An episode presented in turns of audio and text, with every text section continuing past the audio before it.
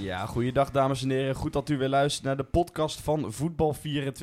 Seizoen 4, aflevering 14 alweer. Waar is de tijd gebleven? We zijn inmiddels al op 21 december, woensdagavond. Uh, op de tijd dat we het opnemen in ieder geval. En dat doen we weer bij RTV Utrecht met wederom Menno Schilder. Ja, zo is het. Ja, want je bent weer te gast. Ja, het is wat. Heb je er weer zin in? Ja, natuurlijk heb ik er zin in. Terugblik op de, op de eerste seizoen zelf vind ik sowieso mooi. Er zijn heel veel interessante dingen gebeurd. Dus uh, daar wil ik graag uh, met jou over praten, Dimitri. Ja, en zeker in die derde divisie zaterdag ja, en zondag. Geweldig. Clubs die jij gevolgd hebt, natuurlijk Sportlust, Hercules en Hoogland. Ja. Daar gaan we het straks nog over hebben. Ja. En Theo, goed dat jij er ook bent. Theo Uppers van onze eigen Voetbal 24-7. is ook wel een tijdje geleden dat jij in de podcast hebt gezeten. Uh, ja, dat denk ik wel. goedenavond allemaal. Um, ik denk dat dat waar is. Uh, kleine twee maanden geleden. Ja, kleine twee maanden geleden, ja. Ja, want uh, mensen die zich afvragen van waar was uh, ik vorige week? Ik was onderweg naar, naar Katwijk. Um, en toen ik in de trein zat, net 10 minuten voor Leiden, toen uh, besloot uh, de trein maar even alle stroom eraf te halen. Dus toen heb ik lekker twee uur vastgezeten in de trein. En uh, heeft Henk gelukkig de presentatie op zich genomen. Maar goed, dat is uiteindelijk helemaal goed gekomen en een goede podcast uitgekomen. Dat ging over de tweede divisie, vandaag dus over de derde divisie. Maar voordat we gaan beginnen, allereerst, hoe gaat het met jullie? Theo, om met jou te beginnen. Nou, ik heb op dit moment weinig te klagen. Um ik vermaak me uitstekend nog steeds met uh, alles wat er op uh, onze website moet gebeuren. en ik heb vorige week natuurlijk een heel erg leuk bekeravontuur beleefd in het noorden van het land. Ja, maar laten we daar eerst even heen gaan. Vertel eens over je bekeravontuur. Um, ik had voor mezelf uitgedokterd dat ik een drietal prachtige wedstrijden ging bezoeken. En er is er niet één me tegengevallen. Ehm, de eerste was natuurlijk helemaal een geweldige Emmen dat uitgeschakeld werd door eh, Excelsior Maasluis. Uh, het, het, meest grappige uh, daaraan vond ik natuurlijk de opmerking van uh, de trainer. trainercoach van Excelsior Maasluis. Die dan dood, doodleuk na afloop tegen me zegt van... ja, als je Europa in wil, dan moet je ze allemaal kunnen verslaan. En dan Ajax loten. En dan Ajax loten, ja. ja. Van dat soort humor hou ik sowieso wel hoor. Van amateurtrainers die een keer een profclub verslaan in de beker. Dat is toch geweldig? Ja, en onderschatting van Emma ook wel een beetje. Als je naar die opstelling keek. Als je naar die opstelling keek, Emma begon eigenlijk wel met een, ik denk een half uh, uh, basisteam en een half team dat geen, geen basisspeler was. Uh, naarmate de wedstrijd vorderde, kwamen er steeds meer basisspelers in. En toen die er ongeveer zo allemaal in stonden, kregen ze deksel op de, deksel de neus. Ja, want bij RTV Drenthe dachten ze dat hij al van de tas was vanaf het begin, hè? Die zaten met elkaar wetenschapjes af te spreken over uh, wanneer valt de eerste goal en hoeveel gaan er vallen. Maar die hebben nooit bedacht dat het 0-1 zou worden. Nee, dat is eigenlijk ook wel gek, hè? Dat, dat daar nog steeds geen rekening mee gehouden wordt. Aangezien het verschil dus, nou dat zie je dus nu weer, helemaal niet groot is tussen die eerste en tweede divisie. Het leuke aan voetbal is sowieso natuurlijk dat je er uren over kunt praten. En dat je uren kunt verzinnen wat de eindstand van een wedstrijd wordt vooraf. Maar dat het zo heel vaak anders afloopt dan dat je vooraf denkt. Dat is het leuke aan voetbal. Had je nog wel rekening gehouden met de stunt? Nou, je houdt elke week als je naar een wedstrijd gaat, hou je ergens rekening mee. Uh, ik geef ze dan 5% kans, maar ook in die 5%. Uh, eh, het, het kan allemaal een keer gebeuren. En dat hebben we dus meegemaakt in Emmen. En ik ben er nog steeds heel blij mee dat dat gebeurde. Ik begon ook steeds meer lol te hebben in al die gemiste kansen van Emmen. Je zat er niet meer heel neutraal op de tribune op een gegeven moment. Nee, als ik bij zo'n wedstrijd zit, niet. Nee. eigenlijk niet typisch Dick Lukien, vind ik. Dat is nou niet een trainer waarvan ik denk van... Ik die, gaat, die gaat het, uh, de tegenstander op die manier uh, benaderen, dat hij dat doet. Dat, dat, zou, dat zou ik dan weer niet van hem verwachten. Nee, want hij begon inderdaad bijvoorbeeld met Hilteman op de bank. De spits die volgens mij het meeste erin heeft liggen ja. bij Emmen dit seizoen. Ja. Ja, ik, ik, ik snap het ook niet. Onderschatting, denk ik. Dat is misschien het enige wat ik kan verzinnen. Ik bedoel, in de keukenkampioen speel je toch al... Uh, hoeveel wedstrijden? Bijna 40 in een jaar. Ja, terwijl de geschiedenis van de beker al tientallen jaren laat zien dat er natuurlijk altijd een verrassing zit in zo'n ronde. En eh, ik weet nog dat ik van, uh, van René van den Berg, de chef uh, sport van, uh, van RTV Utrecht, hoorde. Die, die sprak met René Haak een tijdje terug toen Utrecht tegen Stedoco speelde. En die zei van je moet altijd oppassen, want in zo'n bekerronde is er altijd één profclub de klos. Je moet alleen zorgen dat je het zelf dat niet je bent. zelf niet bent. Ja. Nee, ja, en dus deze ronde ja, nou Lotus en Ajax uit, zal toch wel echt vreselijk zijn voor een club als Maasluis. Wat Barendrecht dus nu ook heeft ervaren, dat je dat zonder publiek moet doen. De wedstrijd van de eeuw zo'n beetje, voor zo'n club. Dat denk ik dat dat zo is, want ik was kort voor uh, Ajax-Barendrecht nog bij Barendrecht tegen DVS. Uh, eh, en de mensen van Barendrecht die ik sprak, die hadden het allemaal over hetzelfde. Wat verschrikkelijk dat we nou niet mee mogen, nu we dit een keer mee gaan maken. Nou, 4-0 was niet eens zo'n hele gekke uitslag als je bij Ajax op bezoek gaat. Nee, zeker niet. Overigens was mijn rondje verder Harkemaanse Boys tegen eh, RKC. RKC. Ja, dat was een geslopen wedstrijd, hè? Ja, het gekke was dat eh, ook Harkemaanse Boys 40 minuten 0-0 hield. Maar dat het dus gewoon voor rust nog 0-2 werd. En het- hetzelfde gekke deed zich na rust voor.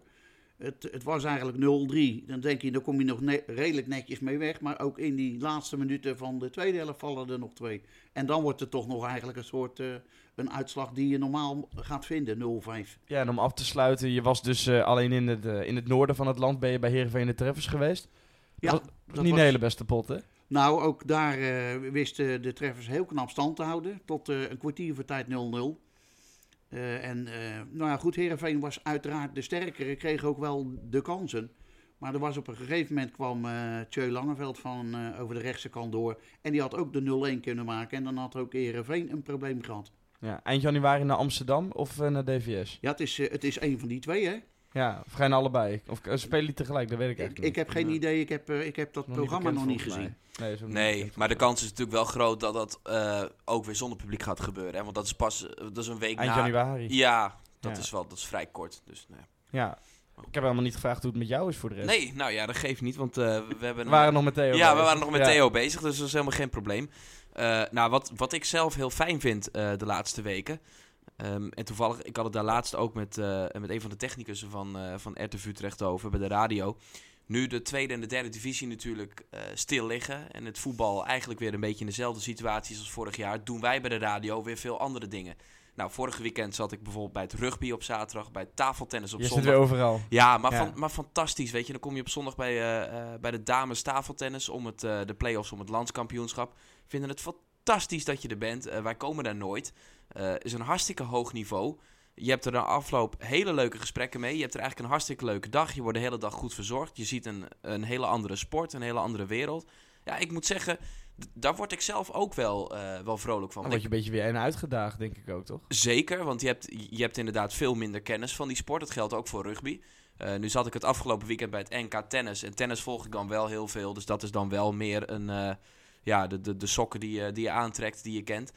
Maar ja, ja, dat vind ik zelf heel prettig. En eh, de radio vind ik sowieso voor mezelf altijd een heerlijke afleiding. Want ik zou anders echt niet weten wat ik op zaterdag of zondag overdag moet doen. Ik, Nee. ik, vind, het- ik vind het fantastisch om op pad te gaan. Ja. Dus ik ben blij dat we dat nu ook gewoon in deze tijd gewoon kunnen doen. Ja, inhaken daarop zonder eh, te veel reclame te maken natuurlijk voor, eh voor RTV Utrecht. Waar ik overigens dus ook werk.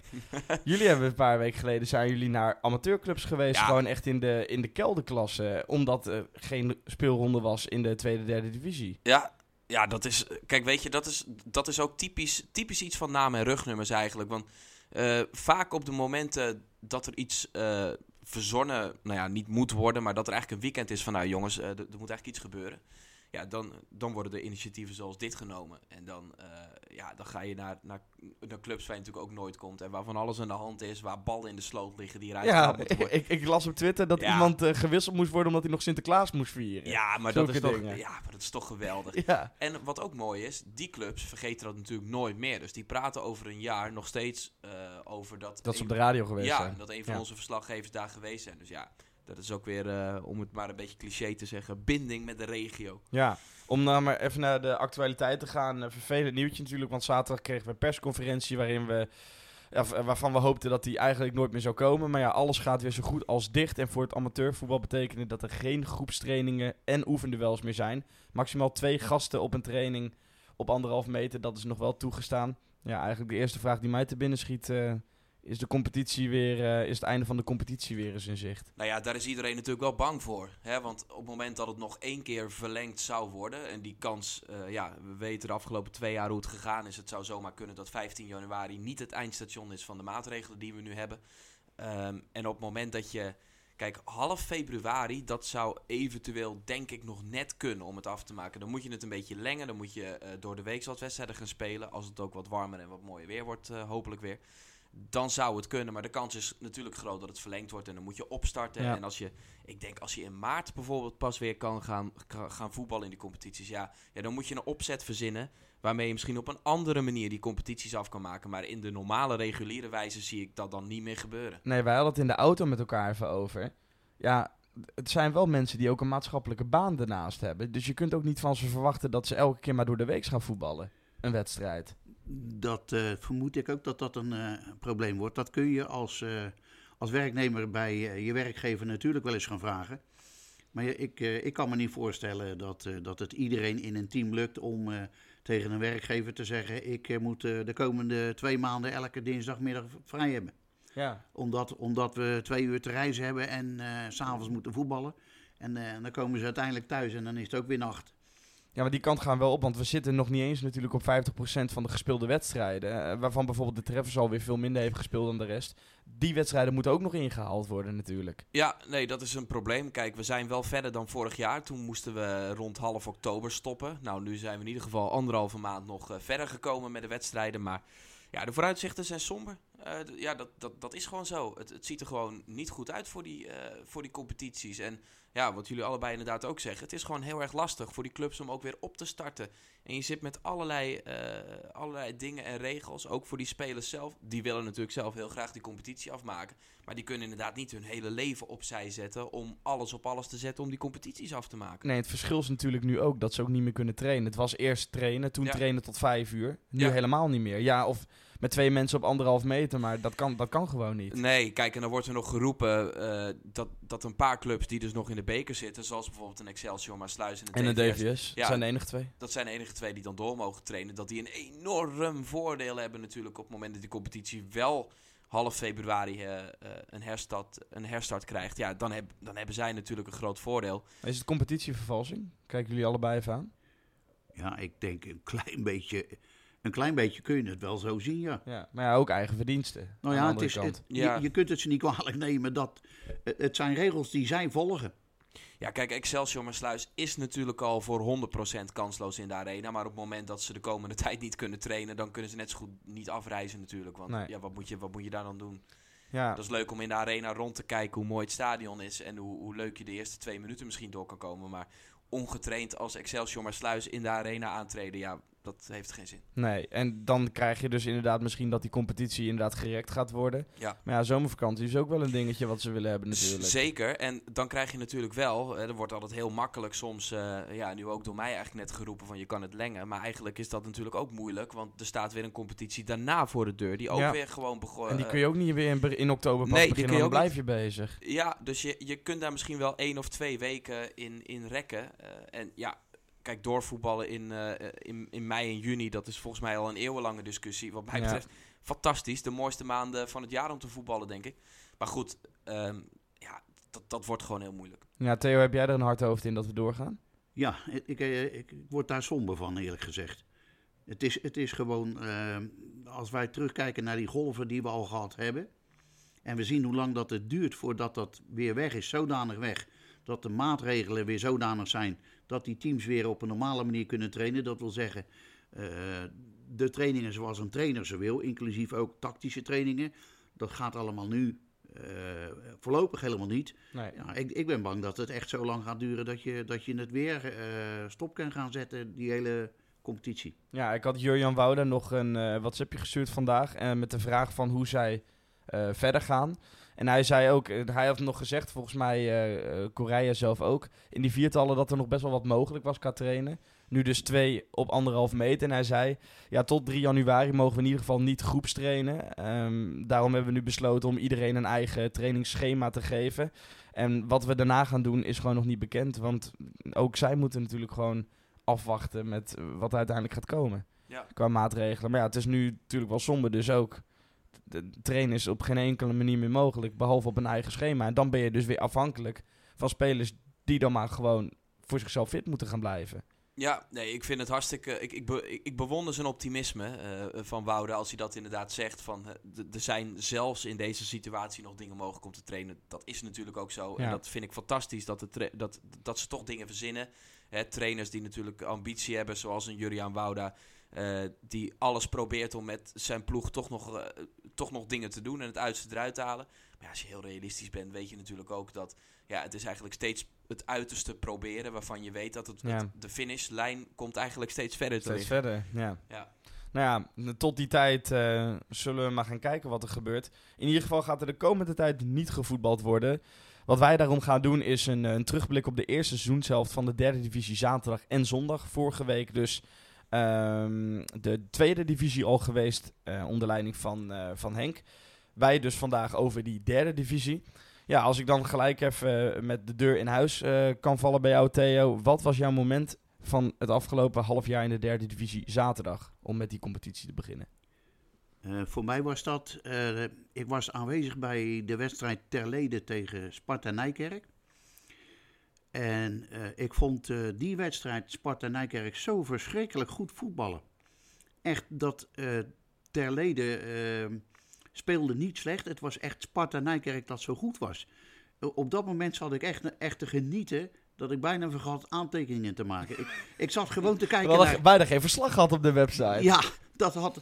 Dus da daar viel Terlede uh, uh, niets te verwijten.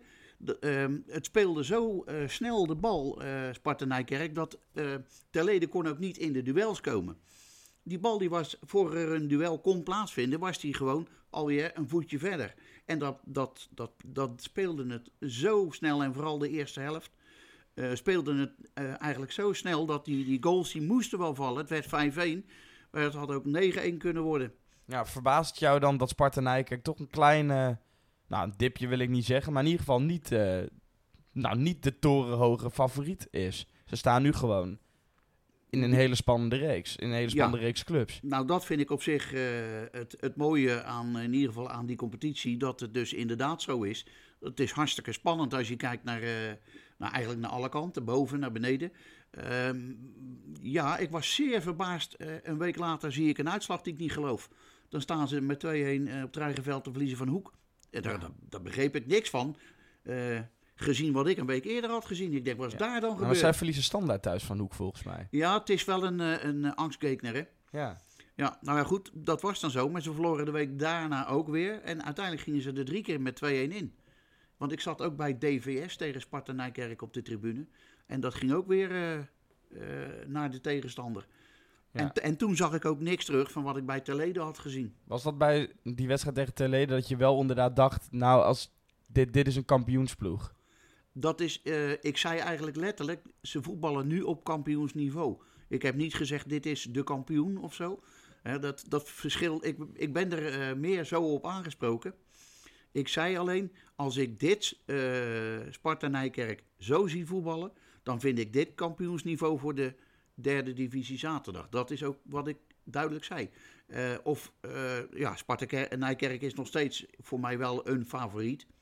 Maar het is, het is niet zomaar gezegd nee dat ze het ook worden. Nee, wat is jouw moment van, uh, van het uh, half jaar tot nu toe? Ja, dan moet ik eigenlijk toch meteen aan de eerste speelronde denken. Want dat was het moment dat de competitie weer begon. Het mocht met publiek. Um, iedereen, bij ons ook bij, uh, bij ons programma, iedereen had echt weer zin om naar die wedstrijden toe te gaan. Uh, en ik zat bij VVOG tegen Dovo. Nou, iedereen begint op nul. En het was echt zo'n typische middag uh, met, met alles en iedereen wat, wat Dovo maakt. Want bij Dovo, ja, de laatste jaren chaos, veel doelpunten, veel doelpunten tegen, veel drama. Uh, gekke slotfases, uh, ruzies tussen trainers, dat soort dingen. Alles zat werkelijk in die wedstrijd. Het werd uiteindelijk 3-3. En uh, Dovo stond na een half uur al op een 3-0 achterstand. En had, had nog wel dikker op een achterstand kunnen staan. Ja. En toen dacht ik van, ja, we zijn weer begonnen. We zijn echt weer begonnen met het voetbalseizoen. En Dovo is ook weer begonnen met het voetbalseizoen. Want ik riep volgens mij in een van mijn eerste bijdragers bij die wedstrijd... riep ik van, Dovo snakt zo erg naar een seizoen zonder problemen, zonder rumoer van buitenaf. Dan en het gewoon, begon met rumoer. En het begon echt binnen een half uur, zat meteen, meteen was het gewoon typisch Dovo, ouderwets. En ja, ik vond het zo mooi. En Dovo komt nog terug tot 3-3. Dat is ook weer typisch Dovo, dat ze die wedstrijd nog helemaal omdraaien. En in de laatste minuut, en ik was toen live in de uitzending, kwam die 3-3 en ja, weet je, ik, ik weet nog dat we toen ook in onze groepsapp uh, aan het einde van die middag in augustus tegen elkaar zeiden van... Jongens, we zijn gewoon weer begonnen. Ja. Overal was spektakel, uh, veel publiek, um, gekke wedstrijden, gekke uitslagen. Dit was zo'n voorbeeld, fantastische wedstrijd. Helaas uh, was er na afloop nog best wel wat consternatie bij de kantine... toen er een vechtpartij ontstond tussen de supportersgroepen van Dovo en, en VVOG... Maar ik moet zeggen, als verslaggever, ja, die, die middag uh, was in de derde divisie meteen dat ik dacht van, we zijn gewoon weer terug. Geweldig. Ja, hoe is dat nu dan? Want nu is het weer zonder publiek. Of tenminste, ja, nu, nu wordt het natuurlijk niet gevoetbald, maar de laatste wedstrijd volgens mij. Of de laatste twee, drie wedstrijden was, waren we zonder publiek. Ja, nou het grappige was dat die wedstrijd van VVOG tegen Dovo was halverwege augustus. En een paar maanden later in november was ik er weer bij VVOG, maar toen dus tegen Sportlust. Ja. Was er inderdaad geen publiek bij. Uh, het was grijs, het was donker. Toen ik er met, uh, in augustus was met Dovo, uh, zonnig, warm, augustus. Iedereen in korte broek en, en shirt. En dan ben je drie maanden later totaal andere ja, ambiance. heel erg contrast. Ja, met in dat Harderwijkse bos, waar het sowieso al donker is. Waar het ook vroeg donker wordt. Maar het grappige was, er hadden een aantal mensen aan de linkerkant achter de goal zich verzameld in het bos... En die konden, en die, die konden kon perfect, meekijken. Ja, dat waren pottenkijkers, maar die deden niks fout. Maar die Nee. konden perfect naar het 16 meter gebied van, eh, van Sportlust kijken. Ja. Dus die hadden een uitstekend zicht in het, midden in het Harderwijkse bos. En die konden gewoon, eh, ja, die, die, die zag ik de hele eerste helft. Een groepje van, nou, ik denk tien mensen. Die stonden gewoon netjes bij de bomen naar, eh, naar het veld te kijken. Dus dat vond ik ook wel weer grappig. Ja, waarvan jij wel hebt gezegd, wel een van de mooie locaties waar je geweest Ja, bent. VVO, ja, VVO geeft een prachtig complex. Sowieso de locatie vind ik gewoon heel erg mooi. Eh, ik hou heel erg van de natuur en van het bos. Dus ja, als je daar dan middenin zit. En ze hebben het ook vernieuwd eh, met een nieuwe kantine en een nieuwe bestuursruimte. Ja, ik, eh, ik kom daar heel graag. Leuke, leuke mensen ook. Dus eh, ja, leuk dat ik daar twee keer in ieder geval nog heb mogen zijn. Ja, Theo, jij liet het al een beetje weten. De, de spanning in de bovenkant van de derde divisie zaterdag. Laten we heel even de stand er eens bij pakken. Ik heb hem hier opgeschreven. Op nummer 1 staat namelijk Sportlust met 26 punten uit 13 wedstrijden en een doelsaldo van plus 11. Lisse heeft 26 ook uit 13 met een doelsaldo van plus 10. Scheelt dus één goal. Sparta Nijkerk ook 26 uit 13, maar een doelsaldo van ook plus 10. Excelsior 31 heeft 23 uit 13 met een doelsaldo van plus 10. Harkema's Boys 21 punten uit 13 wedstrijden met een doelsaldo plus 7. En DVS heeft, uit 13 ook, heeft ook 21 punten uit 13 wedstrijden met een doelsaldo van plus 7. En dan moeten we ook niet Stedoco nog vergeten, want die kunnen nog op 20 komen uit 13. Ja, dat, stel je voor dat Stedoco dat inderdaad wint. Dan heb je dus de nummer 1. Nou, even kijken. 1, 2, 3, 4, 5, 6, 7 ploegen die 6 punten op elkaar staan. Met allemaal eh, maximaal 4 doelpunten verschil in doelsaldo. Ja, ik heb het bijna nog nooit zo spannend gezien in een competitie als hoe het er nu voor staat. Het is wat ik net eh, bedoel, eh, Dimitri. Het is een prachtige competitie om te volgen. Elk weekend is er weer ergens één van die zeven die struikelt. Eh, je hebt ook bijna elk weekend een topwedstrijd, omdat je bijna niet ontkomt aan het feit dat, dat dat gebeurt met zoveel teams bovenop elkaar in die, eh, in die ranglijst. Eh, het blijft eh, steeds leuk. Als je bij een eh, degradatiewedstrijd zit, zit je nog in de rust te luisteren van hoe is de stand bij eh, Sparta Nijkerk tegen eh Stedoco. Ja. Je wil het allemaal steeds blijven volgen. Het maakt niet uit waar je zit. ja, hoe kijken jullie tegen Sportlust aan? Want dat is... Nou, Jelme heeft aan het begin van het seizoen gezegd dat hij dacht dat, dat, dat, het gewoon de, dat hij de titel zouden winnen. Ja, het zou me niks verbazen. Eh, ze, ze- ze hebben natuurlijk, eh, en daar hebben we het al vaker over gehad, een kampioenenmaker als trainer. Hè, Ja, Patrick, Patrick Loenen. Patrick Loenen, die heel veel ervaring heeft ook in het spelen eh, in de beslissende fase. Van, hè, als we, ja, mocht dat allemaal hopelijk nog plaatsvinden, maar die weet in ieder geval hoe beslissende wedstrijden gespeeld worden. En ja, hij, heeft, hij kan zijn ploeg ook gewoon altijd rustig houden bij elkaar. Eh, heeft gewoon een hele duidelijke visie over hoe, eh, hoe hij wil voetballen met sporters. Dat zie je ook in die wedstrijden. Aanvallend voetbal, veel druk op de tegenstander, veel druk naar voren, heel veel energie. Ehm, en sportlust, ja, het grappige is, kijk, wij, wij hebben natuurlijk met name rugnummers zitten we heel vaak bij de tweede divisie, bij de vaste drie, Spakenburg, GVV en IJsselmeervogels. En dan komt er vaak nog een vierde club bij. Nou, dat kan dus Dovo zijn, dat kan Sportlust zijn. Eh, soms hebben we ook een andere sport. Dus we zien Sportlust niet iedere week. Maar het grappige is dat ze stiekem ja, toch, gewoon, eh, toch gewoon weer bovenaan staan. Ja, dat is, dat is, eigenlijk, dat is eigenlijk toch wel heel grappig en heel knap in, in zo'n competitie. En ja, ik weet niet of ze de beste selectie hebben. Nee, want dat wilde ik eigenlijk Dat is- vragen. Denk je dat ze het vol kunnen, nou, in ieder geval vol kunnen houden tot het einde om kandidaat te zijn voor de titel? Dat zeker. Ze, ze, ze blijven zeker kandidaat. Want eh, daar, is, daar hebben ze gewoon een, daar hebben ze een hele goede trainer voor. Ehm, en, en je ziet wel dat ze, eh, dat ze met de spelers die ze hebben wel... Ja, dat Patrick Loenen daar ook bij Sportlust weer het uiterste uithaalt. Dus dat is hartstikke knap. En ik denk dat ze wel, eh, zeker als het spannend wordt... Ja, dan heeft, heeft hij daar gewoon heel veel ervaring in opgebouwd in de laatste jaren. En dan denk ik juist dat Sportlust daar heel sterk in kan zijn. Ja, denk jij dat Lisse of Nijkerk uiteindelijk aan het langste uit gaan trekken? Denk ik nog de twee grootste clubs in dit rijtje. Nou, ik, ik ga, DVS. ik, ik- je kunt natuurlijk voorspellingen, eh, dat is wat je eigenlijk vraagt nu, Ja, gaan, gaan, zitten we gaan doen. Ja, nou, ik, ik, ik blijf er toch bij dat, het, eh, dat dat heel lastig is aan te duiden. Uh, je weet niet welk team uh, op een gegeven moment in dat wak terechtkomt. Uh, dat het zichzelf dus kansloos maakt. Natuurlijk, Lisse en Nijkerk zijn kanshebber. Maar als ik de opmerking van zojuist nog even in, een, een, beetje, beetje eruit mag lichten. je hoeft niet de beste voetballers in je team te hebben om om kampioen te worden. Ik kijk, ik kijk even om ter vergelijking naar Paris Saint-Germain, dat in de Franse competitie geen wedstrijd makkelijk wint. Die lopen daar met verreweg de beste aanval van, van heel Frankrijk. Ja. Maar het lukt ze dus niet. Van de wereld. ja, nou ja, zo ongeveer wel. Ze winnen heel, heel moeizame Moeilijk. wedstrijden. Alles, alles gaat ja, maar heel ja, moeizaam daar. Ja, gaat heel moeizaam. En, en, dan denk ik van ja, maar dat kan dus op uh, niveau derde divisie ook zo zijn. Je kunt een paar geweldige voetballers voorin hebben lopen. Maar het moet ook nog wel een team zijn. En ik denk dat uh, Patrick Loenen daar vooral slaagt uh, met sportlust. Ja, laat ik dan een andere vraag erop stellen. Misschien dat dan ook sportlust je antwoord is. Maar welke club verbaast je het meeste dat ze staan waar ze staan? Dus in die, laten we dan even eerst die top 7 pakken. Ja, Wie is daar verrassend? Kom ik inderdaad uit bij Sportlust. Omdat dat natuurlijk een team is dat nog maar kort uh, op dat niveau... Uh, Excelsior 31? Ja, nou ja, goed. Die, die zijn ongeveer hetzelfde aan te duiden, denk ik. Ja, welke ploeg heeft jou echt, echt... Nou, laten we dan de hele competitie erbij pakken. Dan zeg je dan, denk ik, nog steeds sportlust. Welke club heeft dan um, jou het meest verrassen in negatief zien? In die competitie. Als we bijvoorbeeld kijken naar VVSB die heel laag staan. Hoek die heel laag staat. Ja, Hoek is natuurlijk een team dat een aantal jaren uh, bovenin heeft uh, meegedraaid.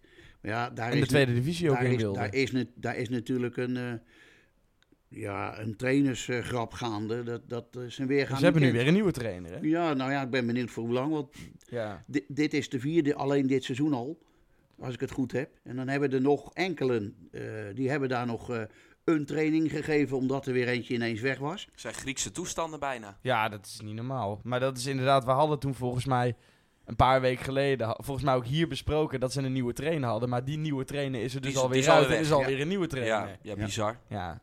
Maar VVSB, ja, ik, uh, ik zag wel al, Richard, als je weet hoe Richard Plug daar zijn, zijn selectie bij elkaar moest gaan rapen al voor het seizoen begon. Nou ja, schets het maar even. Nou ja, dat, dat was al van uh, uh, dit kan niet en dat kan niet. Er kon vooral heel veel niet. Wat hij wilde. Wat hij wilde. uiteindelijk had hij bijvoorbeeld maar had hij dan een keeper die heel goed is. En die, die raakt geblesseerd. Dan heeft hij er een tweede man achter staan die die niet het niveau heeft voor, voor de klasse waar die, uh, waar die in loopt. Dus dan, dan moet daar weer wat anders voor komen. Ja, hij is ondertussen dan ook al weggestuurd natuurlijk, of weggegaan in overleg. zo heet dat zo mooi. maar ik denk dat Richard Plug gewoon nogal aan een kansloos seizoen bezig was. En het moment dat ik, dat ik daar ook was tegen ACV speelden ze toen. Dan zie ik er twee spitsen voorin lopen. Die als die een bal op de middenlijn krijgen, hem wel vasthouden, maar er alleen heel hard mee naar voren rennen in plaats van wachten.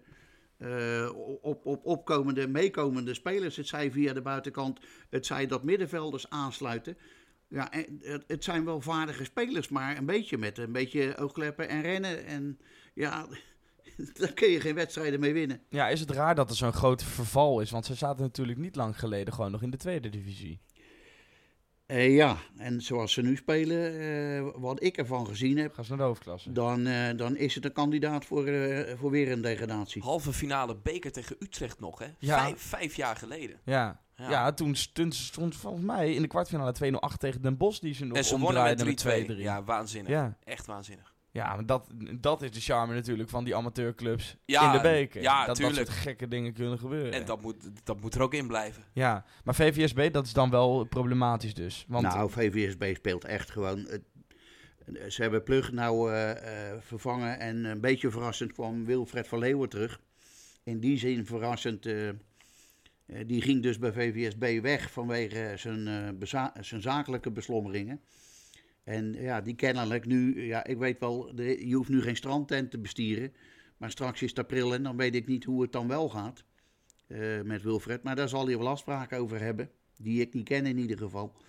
Eh, ja, goed. Ik, ik, eh, ik, ik vind wel gedurfd van, van Leeuwen dat hij dat, hij dat spul is gaan oppakken. Maar of hij het wel aan de praat gaat krijgen, daar heb ik geen idee van. Want wat ik gezien heb, daar schrok ik van. Ja, bij VVOG had je nog wel een goede tip, toch?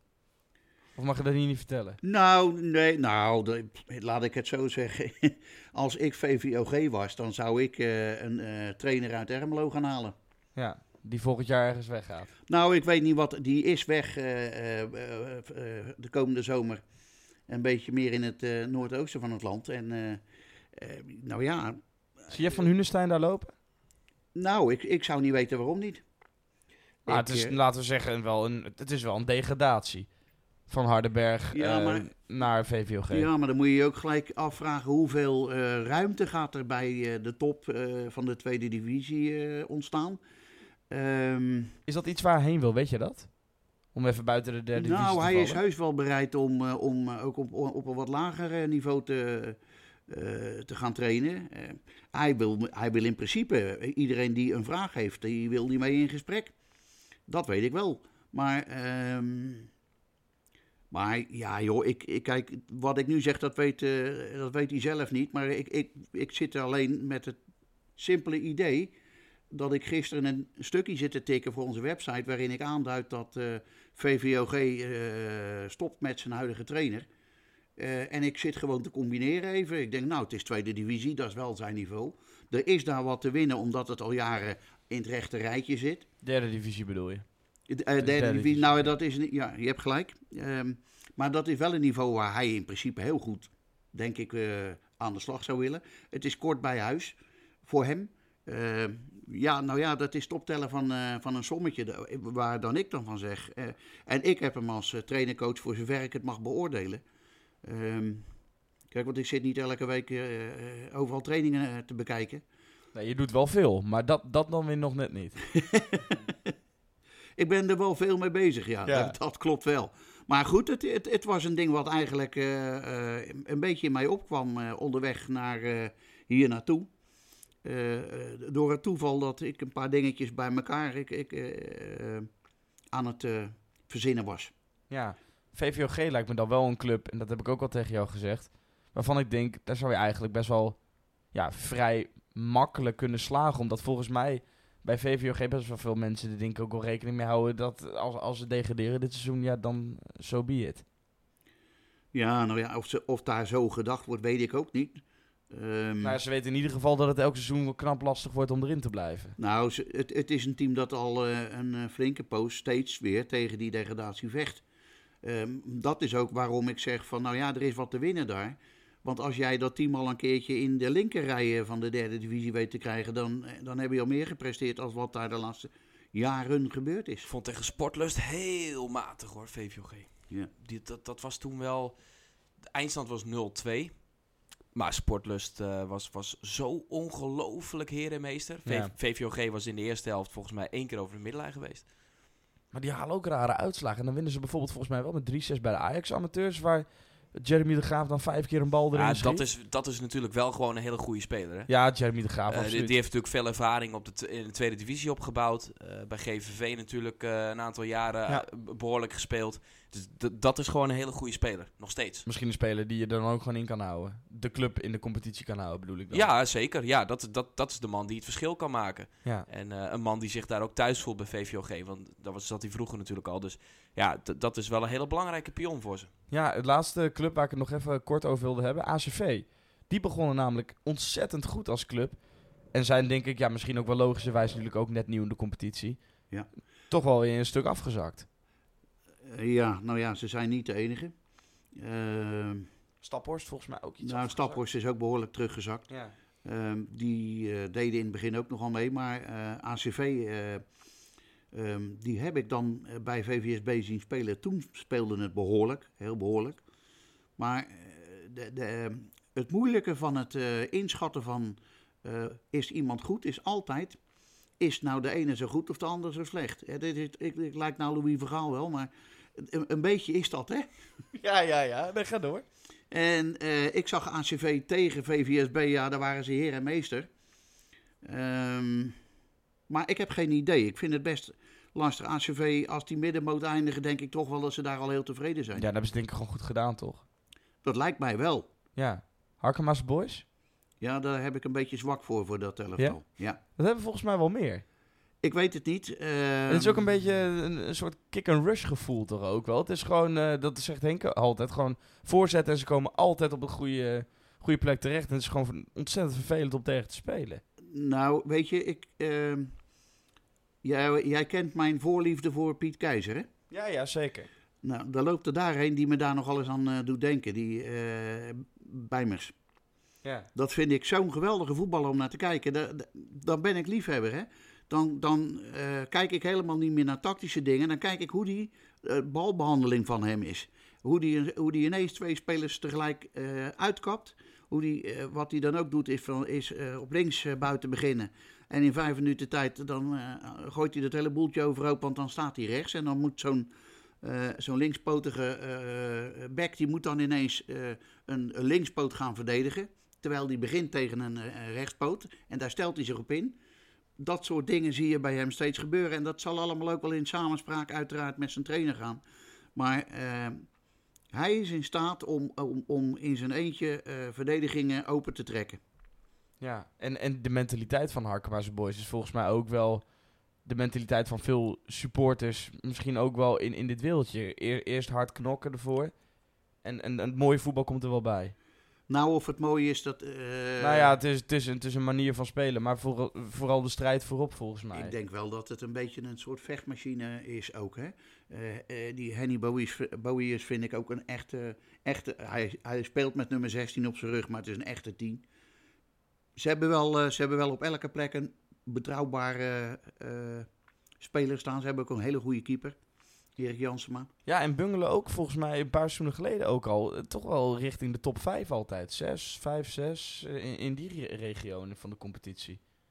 Ja, ze maar hebben... nooit volgens mij echt aanspraakmakend op een periode, een promotie. Nee, ik, ik, ik weet ook niet of ze, of ze de hele competitie die, die absolute top bij blijven houden. Ze zitten er nu op een klein stukje vanaf. Hè, het een beetje is- de best of the rest. Ja, eh, min of meer, maar we hebben ze net in die top 7 wel genoemd. Ja, en, daar zitten ze eh, nog wel in, ja. eh, het is nog steeds zo dat als, eh, als eh, andere topclubs als Lisse en Nijkerk punten gaan verspelen, dat zij er even goed heel snel weer heel dichtbij kunnen zijn. Ja, eigenlijk ook wel vervelend. Dit is eigenlijk de enige spannende competitie van de drie die we hebben dit jaar. Ja, nou ja, wel als Ka- je... ja, Katwijk en OFC zijn in principe kampioen. Dus die staan wel meer voor dan Sportlust in ieder geval. eh, Ja. qua, qua, qua punten. Nee, ja, ja, dat, nee, dat klopt. Ehm, kijk, dat betekent natuurlijk niet dat die andere competities niet interessant meer zijn. Zeker niet voor de posities eh, eronder en ook onderin. Maar ehm, die, die derde divisie zaterdag is qua, qua topclubs die dicht bij elkaar staan, is dat natuurlijk veel mooier. Ja, alleen daarom al zou het wel verschrikkelijk zijn als die competities er gewoon uitgegooid Nou, worden. Dat we nooit zullen weten Kijk, hoe dit gaat eindigen. Waar, waar we het net over hadden met eh, wie is de grootste kanshebber. ehm, ik- het allerbelangrijkste onderdeel is natuurlijk welke ploeg is straks het meest fit als we weer ja, gaan spelen. als we weer gaan spelen. En dan moet ik wel eerlijk zeggen, dan, ja, dan, ach- dan acht ik toch sportlust wel, wel een grote kans toe hoor. Die dicht ik wel een grote ka- kans toe. Want Patrick Loenen die houdt zijn ploeg ook gewoon fit. Eh Juriaan Wouda bijvoorbeeld met Excelsior 31 is daar denk ik ook goed in. Die zal ook wel echt een plan maken om zijn ploeg eh, fit te houden. Welke trainer steekt de meeste energie eh, in het feit om de ploeg zo fit mogelijk te houden? Nou, Wat- misschien is dan dat wel de vraag. Welke trainer? Misschien Welke moet je nu als ja. trainer laten zien hoe goed je bent. Nou, en, en dan, ja goed, we hebben een paar weken terug natuurlijk met, eh met Juriaan Wouda gezeten. Die, Die eh, nooit online die- gekomen Nee. is. nee, precies. Maar wij weten het wel. ja. En kijk, ja, dat soort trainers die gewoon zo ontzettend bezig zijn met hun ploeg. En ook nu in een vrij uitzichtloze situatie op dit moment. Toch weer kijken van, maar wat kan er wel met Ja. onze ploeg? En waar, waar kunnen we toch aandacht aan schenken? Ja, die ploegen zullen misschien net een paar procentjes fitter zijn. En dat kan in die onderlinge wedstrijden met al die, die top 7 ploegen die er staan. Ja, dat, dat kan natuurlijk wel een groot verschil gaan maken. ja, en welke selectie is ook het meest bereid om zichzelf Om- om- ook om fit te houden? Ja, tuurlijk. Want het is. eh, ja, ik kan me best voorstellen dat als je nu naar de training gaat.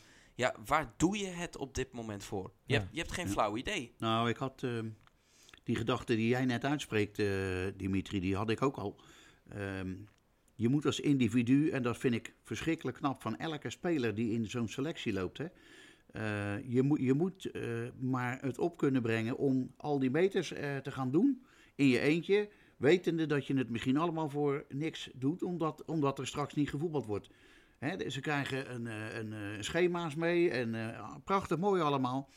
Maar er zit ook nog gewoon een hoofd op ieder eh, eh, lichaam. En dat hoofd moet ook nog de boel steeds weer willen, willen aansturen van kom op, daar Ja. gaan we weer. Ja, dus En hier, hier vraag ik me dus wel iets af, want dit vind ik wel een interessant deel. We zeggen natuurlijk al een, een, een tijdje dat eigenlijk van amateurvoetbal is in deze competities eigenlijk geen sprake. Het zijn eigenlijk semi-profs. Ja.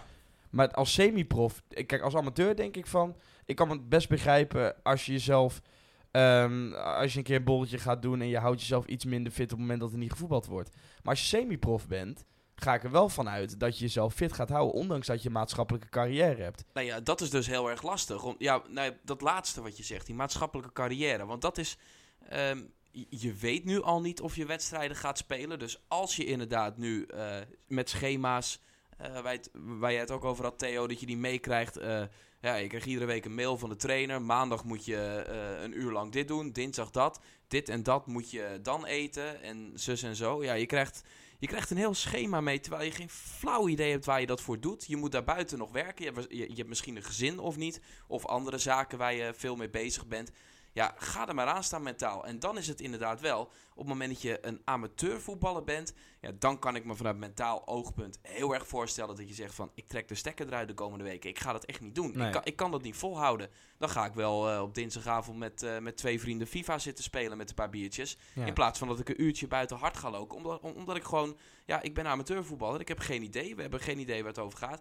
En inderdaad, dat semi-prof, eigenlijk een semi-prof vind ik een, ja, een vreemde term. Want wat, Ja. bete- want wat betekent dan een semi-prof? Dan ben Ja, je dus... dat zijn betaalde amateurs misschien. Ja, nou, dat, toch, nou ja. dat, is een, dat is een goede uitleg daarvan, denk ik. Maar, maar daarmee on- ontwikkel je natuurlijk nu in die competities toch, denk ik, een beetje een grijs gebied. Want de ene ploeg inderdaad zal misschien wel heel erg eh, ertoe bereid zijn van... Nou ja, als wij half februari er weer moeten staan, dan moeten wij er staan. Ja. Ja, en die ploeg eh, die het wel voor elkaar krijgt... en die trainer vooral die het voor elkaar krijgt om zijn ploeg op die manier te motiveren...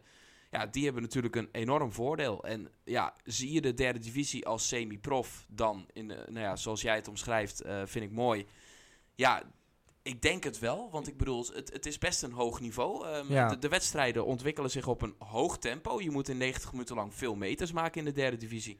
Ja. Ehm, de, dus het is denk ik wel nodig, Ja, als je over twee maanden gaat spelen, dat je dat wel doet. Ja, misschien denk ik er dan ook te makkelijk over. Maar op het moment dat ik, dat ik zoiets heb, je wordt betaald door een club, dan moet je er ook gewoon weer staan op het moment dat er gevoetbald wordt. Ja, en de ene club betaalt veel meer, hè? Dat laatste is zeker ook waar. Ja.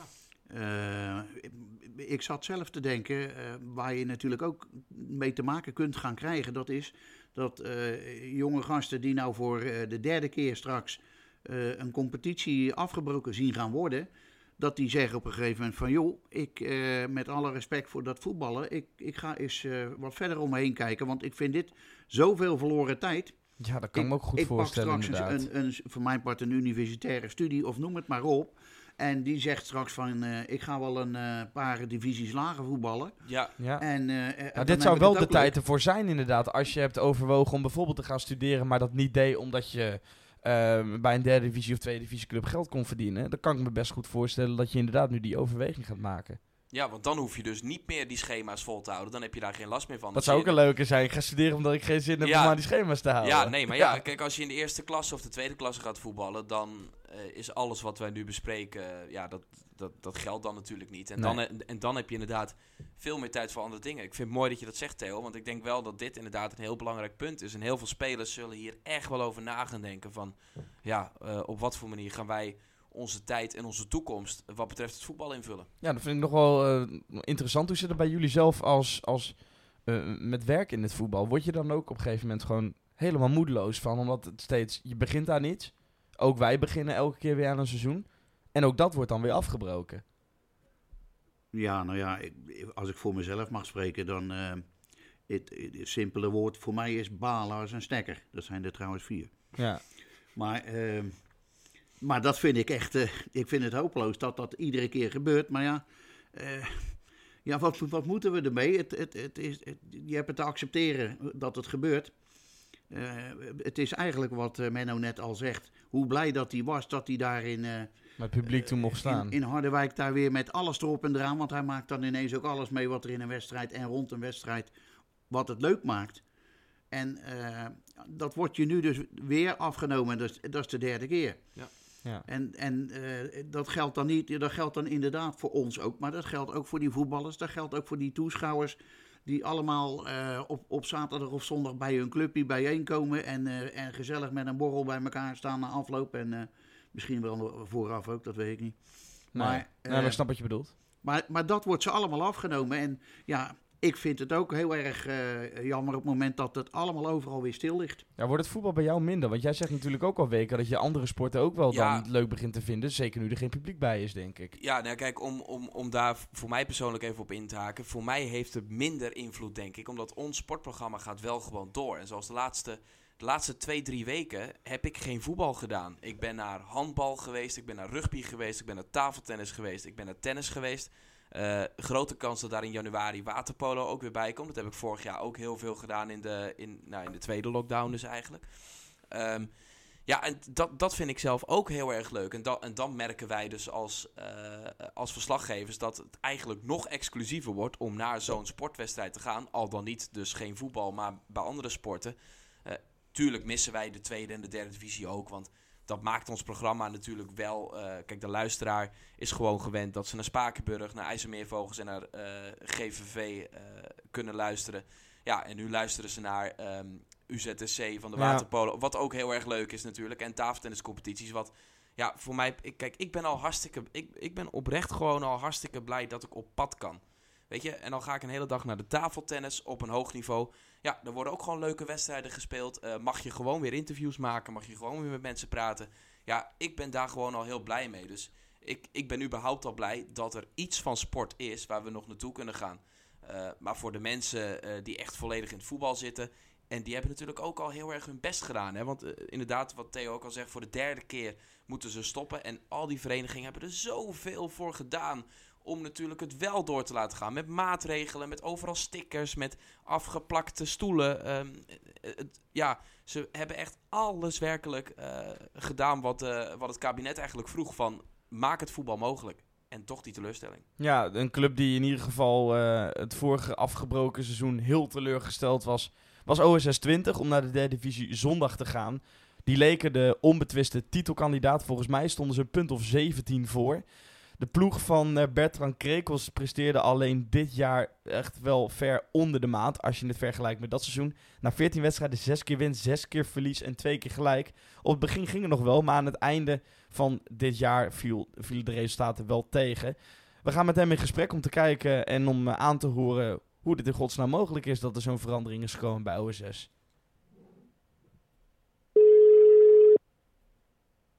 Met Bertrand Krekels.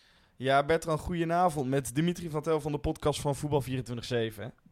Goedenavond. Hoi, goedenavond. Sorry dat het weer wat later uh, wordt. Ik maak altijd afspraken om, om, in te bellen. Het wordt eigenlijk altijd een half uur later dan ik gepland had. Dus excuus daarvoor. Ja, maakt niet uit.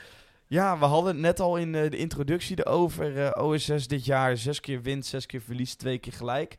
het vorige seizoen wat afgebroken werd, stonden jullie natuurlijk... nou ja, kon je, de, kon je de schaal al ruiken. Hoe kan het zo zijn dat het dit seizoen eigenlijk gewoon niet draait? Nou, dat is al twee seizoenen geleden. Hè? Ja, dus dat is twee seizoenen geleden. hebben wij uh, zeven wedstrijden gespeeld. Dus ja, goed. Uh, het is al een hele tijd geleden dat je die situatie had. Ja. En um, ja, het is, het, is lastig te verklaren natuurlijk. Uh, als je eenmaal in een, in een flow zit, en dat, uh, dat, dat, dat gevoel hadden we dat seizoen. Hè, dat er niks mis kon gaan. En dat je enorm veel vertrouwen hebt als je een wedstrijd speelt. Ja, dat, uh, dat is op dit moment eh, minder aanwezig, laat ik het maar zo zeggen. Hoe kan dat?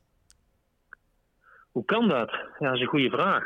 Um, uiteindelijk heeft het te maken met het niveau wat je op het veld uh, laat zien.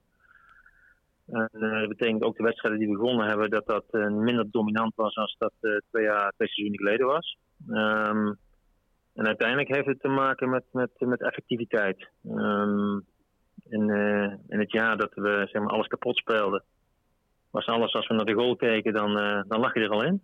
En nu is het zo dat wij uh, ja, totaal niet effectief zijn. Dus we creëren nog steeds voldoende mogelijkheden en kansen. Alleen het balletje wil er niet in. Ja, en uiteindelijk gaat het daarom dat je daar wedstrijden op beslist. Ja, dus hebben wij dan ook misschien te veel verwachtingen van OSS? Als we dan baseren op die, dat seizoen van twee jaar geleden? Ja, ja misschien wel. Uh, kijk, die twee seizoenen geleden, dat, dat, was, dat was een unicum. Dat is uh, iets uh, in die mate zo overheersend zijn, dat maak je niet heel vaak mee. Um, dus dat, dat was een uitzonderingssituatie. Um, nu is het dat we onder onze stand staan natuurlijk. Maar kijk, ik heb van begin af aan al gezegd, we hebben een, een prima ploeg. En wij, uh, wij, willen graag bij de eerste vijf spelen. En dan is het afhankelijk van, uh, van ja, balletje binnenkant paal, blessures.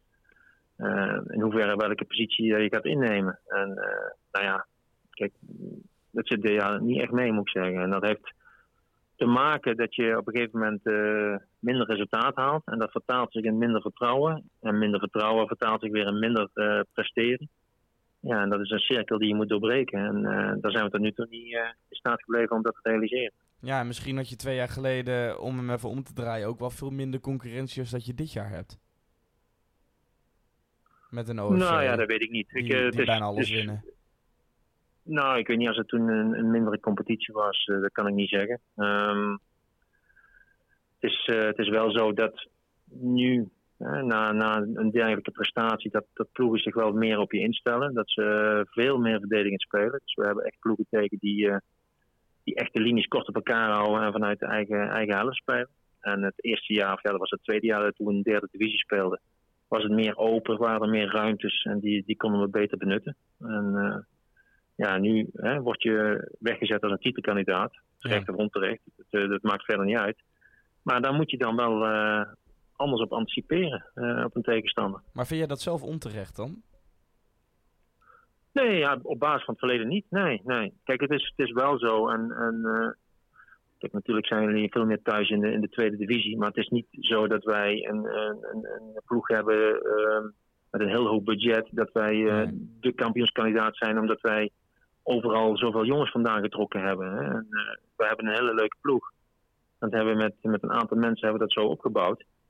En daar hebben we heel mooi mee gepresteerd. Maar ja, de vraag is, zijn we dan echt zoveel beter als, als andere ploegen? Kijk, ik weet dat er heel veel ploegen zijn die een veel hoger budget hebben. Ja. Maar dat wil niet zeggen dat wij uh, niet, on, niet tevreden zijn met onze selectie. We hebben, we hebben een prima selectie om op dit niveau uh, mee bovenin te draaien. Ja. Maar wij doen geen rare dingen, laat ik het dan zo zeggen. Frustreert het jou wel als, als, uh, als trainer zijnde... dat je twee jaar geleden zo, zo dichtbij bent om, om ja, gewoon ja, met vlag en wimpel kampioen te worden met zoveel punten voor op de rest. En dat het gewoon een of andere manier niet lukt dit seizoen. Um, kijk, weet je, um, natuurlijk, we konden die titel toen al ruiken. Um, dat was een kwestie van, van weken geweest, Ja. uh, dat hij de titel had binnengehaald destijds. daar leef je naartoe als groep zijnde. iedereen wil, uh, op het moment dat je een bepaald niveau speelt, op amateurniveau, wil je daar ook hoogste niveau halen wat, wat, wat mogelijk is. Nou, dat doel hadden we bijna bereikt. En, uh, en dat valt dan in duigen. En dan, dan moet je opnieuw beginnen. En um, ja, volgens mij heb ik uh, een collega van mij er ook wel eens ooit uh, over horen praten. En volgens mij was dat Erik Speelziek ook met, met, met Sparta Nijkerk. Van het is geen garantie dat je dan dat maar weer even doet. En ja, goed. vorig jaar zijn we er sowieso niet toegekomen. Hè? Zes, zeven wedstrijden gespeeld. En, en, dit jaar uh, zie je dat, uh, dat we niet in staat zijn om elke week een, dusdanige prestatie uh, neer te leggen om, om die wedstrijd in het af te sluiten. En het rare is, als je kijkt naar de, de partijen de laatste weken met name die we, die we niet gewonnen hebben of zelfs verloren hebben, is dat ik nog steeds vond dat wij nog steeds voldoende kansen creëerden en relatief weinig kansen weggaven. En daar heb ik ook continu tegen de groep gezegd dat is uiteindelijk de basis om wedstrijden te winnen. Op het moment dat je geen kansen meer gaat creëren, dan moet je zorgen maken. Alleen als we nu verder kijken, kijk, het is nu zes weken, waarvan de laatste wedstrijd echt gewoon terecht verloren is. En dan zie je met name het mentale aspect. Dat op het moment dat je op, op hele vervelende uh, momenten in een wedstrijd een goal tegenkrijgt, dat er iets breekt in, uh, in het elftal. En, en, dat is iets waar we nu overheen moeten stappen. En uh, dat kan alleen maar door gewoon een wedstrijd te winnen. En uh, ja, goed. zelf zal weer even deuren gezien eh, de Ja. corona stop die we niet meer hebben en afhankelijk van wat, wanneer we weer beginnen. Maar Ja, precies. dat is, eh, dat is een eh, lastige situatie. Maar van die zes wedstrijden die we dus niet gewonnen hebben, was alleen de laatste was, eh, was terecht. Hè? En dat we gewoon mentaal zo'n dikke tik kregen. Ja. Ja, dat we zeker de laatste 20 minuten totaal geen geloof hadden meer in een goed resultaat. Nee. Maar dat was de, eigenlijk de eerste keer dit seizoen. Maar voor de rest kan ik niemand iets verwijten. Ik zeg, we beginnen elke keer goed aan de wedstrijd. Eh, we creëren voldoende, we geven weinig weg. Ja. Ja, alleen het, het, het, het lijkt op een gegeven moment, eh, de wet van Murphy, eh, elke bal Ja. die richting goal gaat, die lijkt binnen te gaan. Ja, wel. dat, dus dat, ja, daar heb je mee te dealen. Ja, dat, dat is zo. Ik bedoel, Ja. het komt niet aanwaaien. Ehm, Dus we zullen er de schouders voor onder moeten zetten om dat om te buigen. eh, Bertrand Theo, hier. Eh, Ja, hi. Hoi, eh, vraag je over eh, wat ik mij af zat te vragen. Als je dus op een gegeven moment in die spiraal komt waarin je dan zit, je uit de laatste vijf wedstrijden één punt. Ga je daar wel, ga je dingen anders doen? Ga je proberen de training anders doen? Ga je, ga je met groepsgesprekken? Ga je, ga je individuele gesprekken? Ga je dingen doen die je eigenlijk normaal gesproken niet zou hebben gedaan? Nou, kijk, het enige wat ik sowieso altijd doe, op het moment dat je een, eh, een wat minder resultaat hebt, probeer je, en dat staat sowieso bij mij al centraal, is plezier in een training te hebben. Ja, En dat, eh, dat heeft nog steeds meer de bovenhand. En eh, ik heb wel eens regelmatig een passe trapvorm eh, in mijn in training zitten. Nou, op het moment dat je, dat je eens een keer een wedstrijd verliest, dan wil je wat meer intensiteit in een training en meer beleving. En dan sla je dat stuk over, waardoor je bijvoorbeeld eh, sneller naar een positiespel gaat met een spelelement erin. Ja. En daarna naar meer partijvormen. Dus dat je gewoon, ja, uiteindelijk als speler wil je toch gewoon uiteindelijk veel partijen spelen. En dat probeer ik daar dan wat meer in te brengen. ja ik snap het. Ehm, de, de, de, de analyses, hè, het nabespreken van een wedstrijd, is bij ons altijd relatief kort. Hè. Even dingen aangeven die goed gaan, wat, wat kan er beter. En dan weer door. En uiteindelijk hè, heb ik vijf weken lang volgehouden van jongens, we moeten over dat dode punt heen. We zijn nog steeds eh, met heel veel momenten in de wedstrijd beter als een tegenstander. We creëren voldoende, we geven bijna niks weg. Dus het moet onze, onze kant op gaan vallen. Ja, heb je dan soms En het op een gegeven dat je moment aan vroeg die groep ook van, op een gegeven moment vroeg die groep ook van trainer, moeten we niet bij elkaar gaan zitten? Ja. Ik zeg, ja, dat kan natuurlijk, eh, dat kan. En eh, zeg, wie heeft er dan iets te vertellen? Want ik heb elke week mijn eigen verhaal te vertellen en dat is voor mij nog niet veranderd. En toen keken ze elkaar aan en zeiden, ja, je hebt eigenlijk gelijk, we hebben eigenlijk ook niks te bespreken. Nee, zit je dan aan een Dus dood zijn we paard weer te gewoon gaan trekken? trainen. Sorry? Zit je dan aan een misschien dood paard te trekken? Voor je gevoel? Nou, weet je, kijk, ehm, kwaliteit is natuurlijk belangrijk in voetbal, maar eh, vertrouwen en zelfvertrouwen is denk ik 70% van het presteren.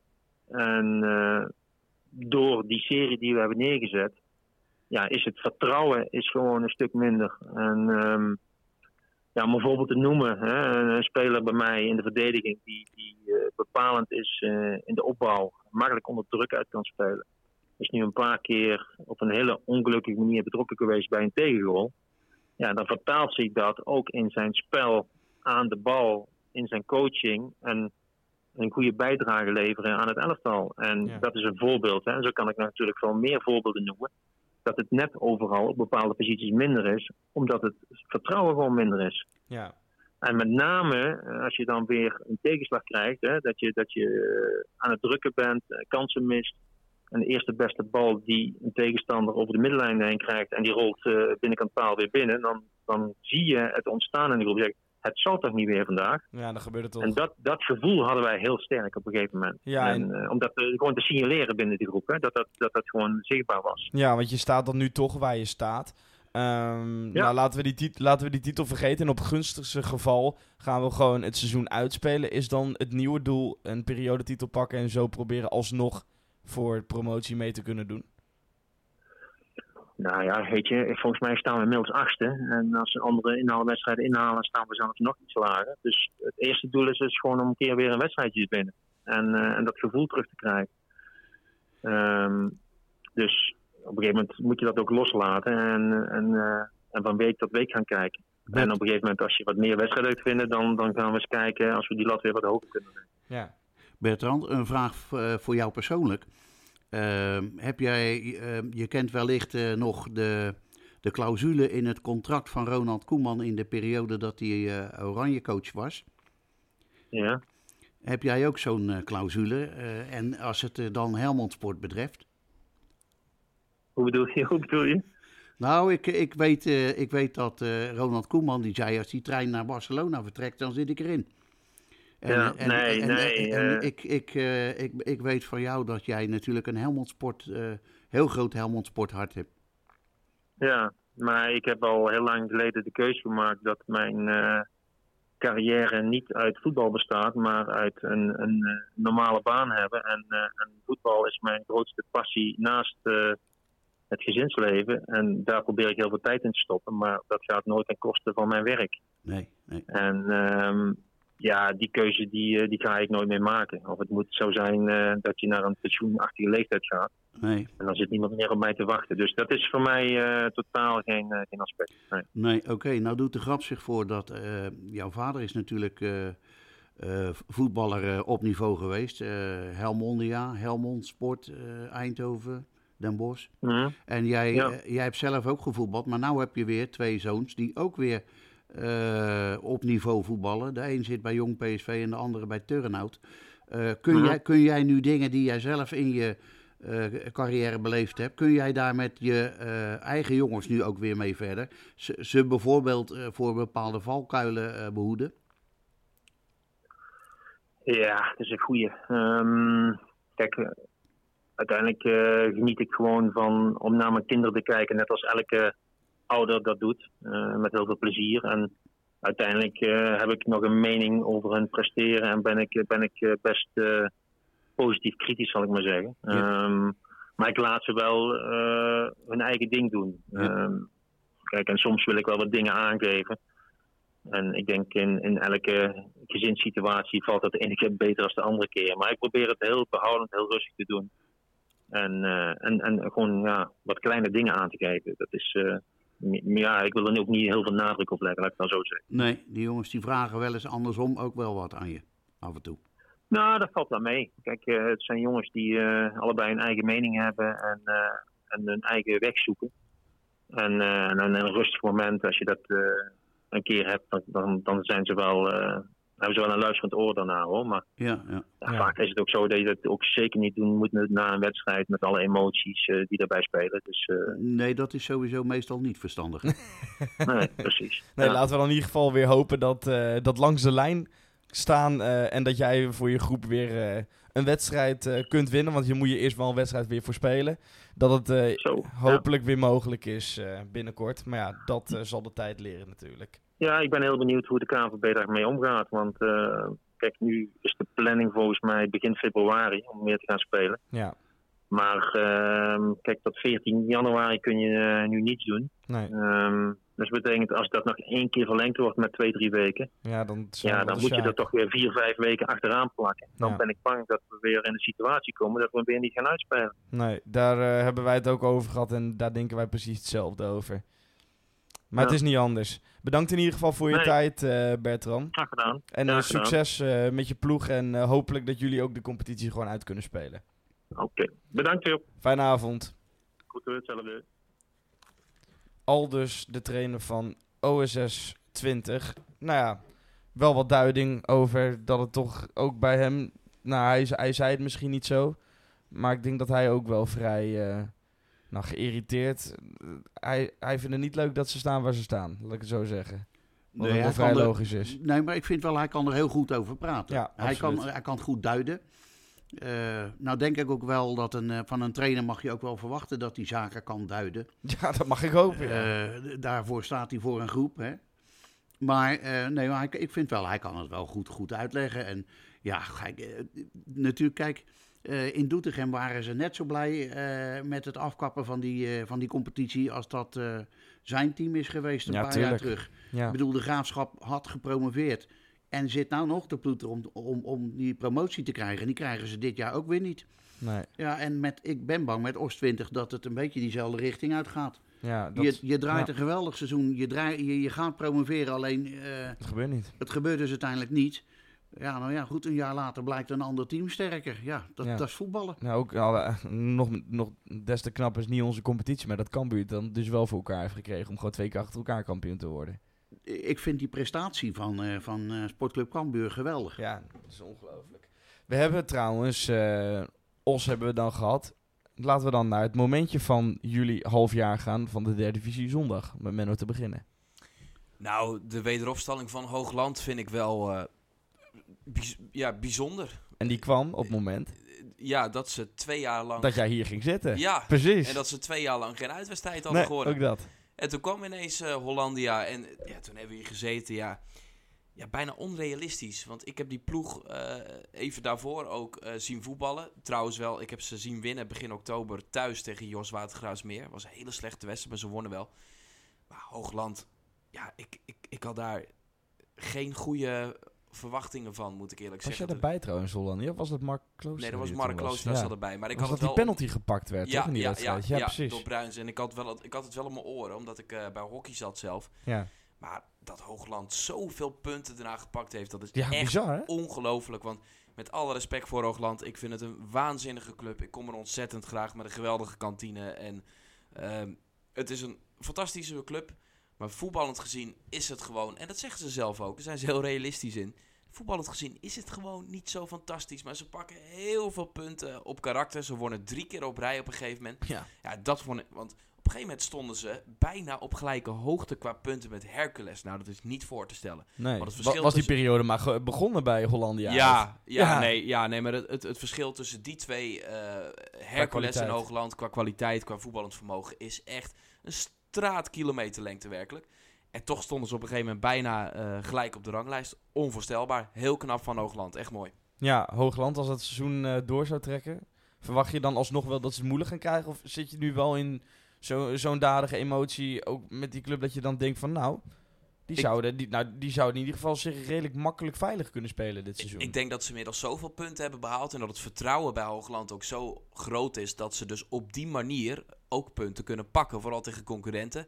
Dat ik Hoogland niet zie degraderen. Nee, zou dat vertrouwen dan nog steeds blijven als je zo'n gat er straks weer tussen hebt? Ja, dat denk ik wel. Want kijk, dit blijft toch in die herinnering. Negen punten uit drie wedstrijden in zo'n zware competitie. Als ploeg eh, waarin je misschien voetballend niet het beste vermogen hebt.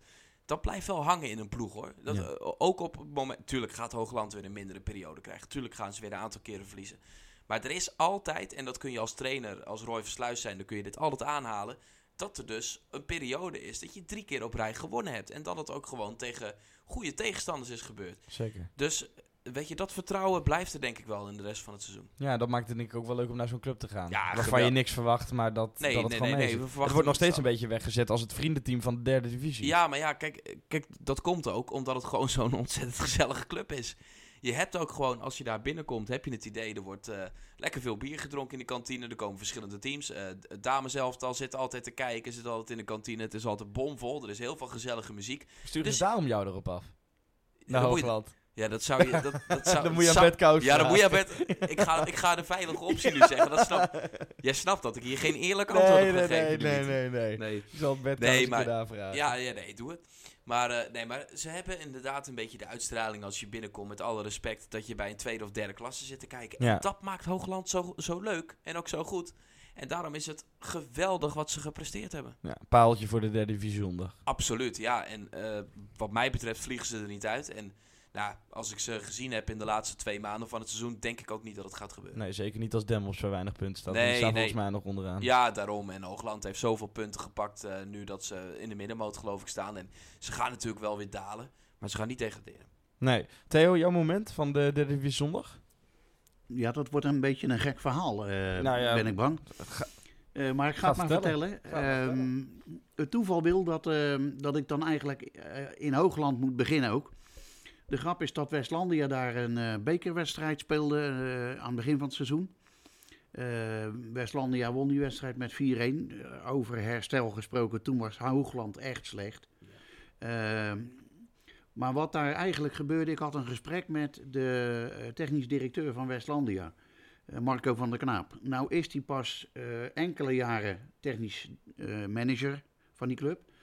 Ehm, hij is dat geworden op een manier die ik wel grappig vind. Want hij had commentaar op het feit dat er bij Westlandia wel wat meer eh, jeugd door mocht stromen. Eh, en dat dat op een wat andere manier allemaal kon. En op een bepaald moment heeft het eh, bestuur gevonden. Als jij het zo goed weet, ga je het maar doen ook. En dat was natuurlijk, ja, nou ja, toen kon hij ook niet terug eigenlijk. Maar dat vond hij niet echt erg. Ehm, wat er bij Westlandia ook gebeurde, dat is dat toen Marco van der Knaap daar terugkwam, er prompt spelers waren eh, die dus elders voetbalden en die ineens heel hard gingen roepen van joh, eh, ik wil eigenlijk nog best wel terugkomen. Zo kwam uh, Jetson Marcus, Beelstro kwam terug. en tenslotte ook nog die oud-topscorer Ramon Boghoven. Die kwam ook nog terug. Maar hoe kwam die terug? Die vroeg eigenlijk gewoon aan, aan Van de Knaap van... joh, heb jij nog een plekje over in je selectie? waarop Van de Knaap heel tactisch zei van... nou, voor een gemotiveerde spits heb ik altijd wel een plekje. En eh, toen moest uh, Boghoven wel even flink aan de bak, want hij speelde toen eigenlijk bij DSO, zijn feitelijke homeclubje. Maar hij is dat ook echt gaan doen. maar hoe Van de Knaap dat dan al gelijk vertelt, dan ruik en proef je daar de voetballer in. want dan kun je zeggen, oh, hij is zijn vriendjes om zich heen aan het verzamelen. Nou, nee. Hij is niet, hij, vrienden, vrienden mogen komen als ze komen kunnen laten zien dat ze beter zijn dan de, dan de speler die op hun voorziene plek staat. Ja. En uh, dat, vond ik, dat vond ik best wel heel wijs. Die, eh, die, uh, Van de Knaap is pas een paar jaar technisch manager bij Westlandia. Maar dan moet ik er ook wel dit bij zeggen. ik heb eens een keer bij Kwik tegen Westlandia gestaan toen Grunholz nog trainer was bij Westlandia. Toen had Westlandia één punt uit, dacht negen wedstrijden toen ze naar Kwik toe gingen. En toen vroeg ik aan Edwin uh, uh, heb je al een klein beetje angst dat er hier of daar aan je poten wordt gezaagd? Toen zegt hij, oh wel nee man, we, we zijn aan het praten over, over verlenging van mijn contract. Ik hoor hem dat zeggen, ik denk bluft Edwin nou een beetje. toen liep er een, het moment daarna liep er een sponsor achter ons langs. En die zegt, die ziet dat ik hem sta te interviewen eigenlijk. En die zegt gewoon duizend procent helemaal goed door Edwin. Ze hadden er gelijk gespeeld bij Kwik. Ja. En ik lees een week later prompt, contract Grunholz verlengd terwijl hij onderaan, stijf onderaan staat. En, en, nou, en dan toch wordt, er, wordt, wordt dat contract verlengd. En nou zie ik van de week die de Westlandia staat en je kunt dat op je lijst zien. Die staan nu weer bijna onderaan. En wat doen ze van de week? Het contract van verlengen. Achterberg verlengen. Ja dan denk ik, kijk, die, zijn, die durven ook wat daar. Nou ja, en, en om, om maar een verschil uh, te trekken.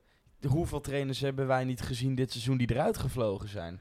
Nou, of aan het eind van het seizoen niet verlengd worden? Nou, laten we eventjes uh, vaststellen dat Unitas op de tweede plaats staat en zijn trainer er net uitgegooid heeft. Ja. Ja, dan heeft dat niet met resultaat te maken. Nee, dat lijkt mij niet, Menno, nee, hè? Nee, nee, nee, nee, 100% niet. Nee, nee maar spelen de andere dingen. Maar het is wel, het is wel inderdaad grappig als je ziet dat een, nou ja, een ploeg die bijna onderaan staat, inderdaad verlengt met een trainer. Eh, waarvan nou, dan gewoon vertrouwen wordt uitgesproken. En dat inderdaad clubs die het beter doen, dat daar de trainers er gewoon hier links en rechts uitvliegen. Ja, ook in andere nou, competities. Zou ik trainer zijn van een zondagclub, dan zou ik heel graag bij Westlandia trainer worden. Omdat je daar alles te winnen hebt? Nou, omdat, om, omdat je toch ik denk, ik denk dat daar uh, bestuurlijk uh, het, het, goed in elkaar steekt. Ze hebben ondertussen wel een uh, andere voorzitter als die ze hadden toen uh, Grunholz er stond. Maar je ziet nu wat er met Achterberg gebeurt. Dat is wat toen met Grunholz gebeurde. Hè, stijf onderaan staan en gewoon zeggen van... we gaan volgend jaar met jou verder. Ja, maar het is ongebruikelijk in het voetbal. Want het gebeurt inderdaad niet veel. Maar het is ook natuurlijk ook heel mooi dat een club gewoon vertrouwen stelt in zo'n trainer. Want het kan natuurlijk ook zo zijn dat als je nu op de korte termijn weer eh, heel opportunistisch, zoals het voetbal eigenlijk is, met de waan van de dag kijken, want ze staan nu onderaan.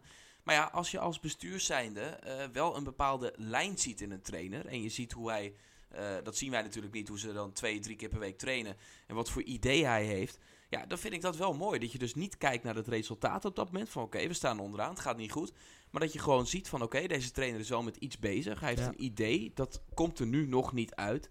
Maar wellicht dat dat in maart, april bijvoorbeeld er wel uitkomt. Nou, dan vind ik het mooi dat je als trainer daar gewoon de tijd voor krijgt. Dus alle credits daarvoor. Ja, we hebben zijn naam al genoemd, maar ik denk dat Dick Lukien op iets hoger niveau daar ook een goed voorbeeld van ja, is. Ja, Dick Lukien, tuurlijk. Dat was, het was toch hetzelfde? Hè? Die, had, die, had, die had ook op een gegeven moment dat mensen dan roepen van... ja, eh, Dick Lukien, eh, eh, wordt het dan niet eens tijd voor, voor iemand anders? Want het loopt helemaal niet bij het Emmen. En nou, je ziet wat er op een gegeven moment gebeurde. Emmen bleef rustig, Dick Lukien bleef rustig. Die had gewoon een lange termijn plan met zijn ploeg. Nou, heeft het uiteindelijk met, eh, met Emmen natuurlijk heel lang fantastisch gedaan. Vorig jaar een beetje ongelukkig eruit gevlogen. Terwijl ze wel in die laatste fase van de competitie gewoon echt nog eh, goed voetbal speelden. Zeker. Dus Heel veel punten gepakt. heel veel nog. punten gepakt. En eh, nou ja, kijk, dat, dat, is, dat is inderdaad een goed voorbeeld. Je hoeft niet altijd alleen maar te kijken naar de ranglijst en de punten. Maar ook gewoon van hoe valt zo'n trainer in de groep? Hoe zit het proces? Wat zit er over de lange termijn, op de lange termijn in? Ja, ik vind het mooi. Ja, OFC eh kampioenen, denk ik. Nou, ik vond dat je daar wel iets eh, vlot overheen ging. Ik, ik heb toch wel. ehm, Je, je ziet een outsider. nou, nee, ik, kijk, ik, ik, ik denk wel dat OFC uitstekend presteert. Ik denk dat eh, Pieter Mulders het een beste zelf.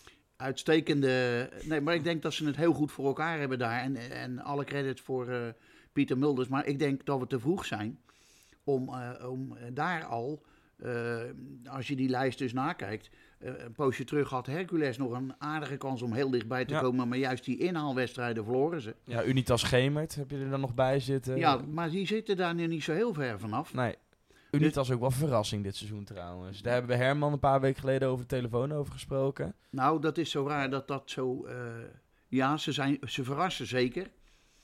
Maar, Maar ook weer niet, wou je zeggen. Nee, nou weet je, ik, Her- Herman heeft, heeft van Oostrum een beetje het vuur na aan de scheen eh, gelegd na die bekerwedstrijd. Eh, waarin eh, Herman zei, joh, heb jij niet, ben jij niet vergeten om eh, gewoon even te kijken wat voor een team dat je nou tegenover stond. Eh, want de trainer van Achilles, eh John Karelsen, was kennelijk een keer of twee, drie wel bij eh, Unitas geweest. En andersom was dat kennelijk ja. niet Ja, gebeurd. ja, en, eh, en nou ja, daar pakte hij hem wel op aan. En ze kregen ook natuurlijk met 4-0 eh billenkoek, hè. En ehm, ja, nou ja, je moet het wel zo bedenken. Het is bekervoetbal.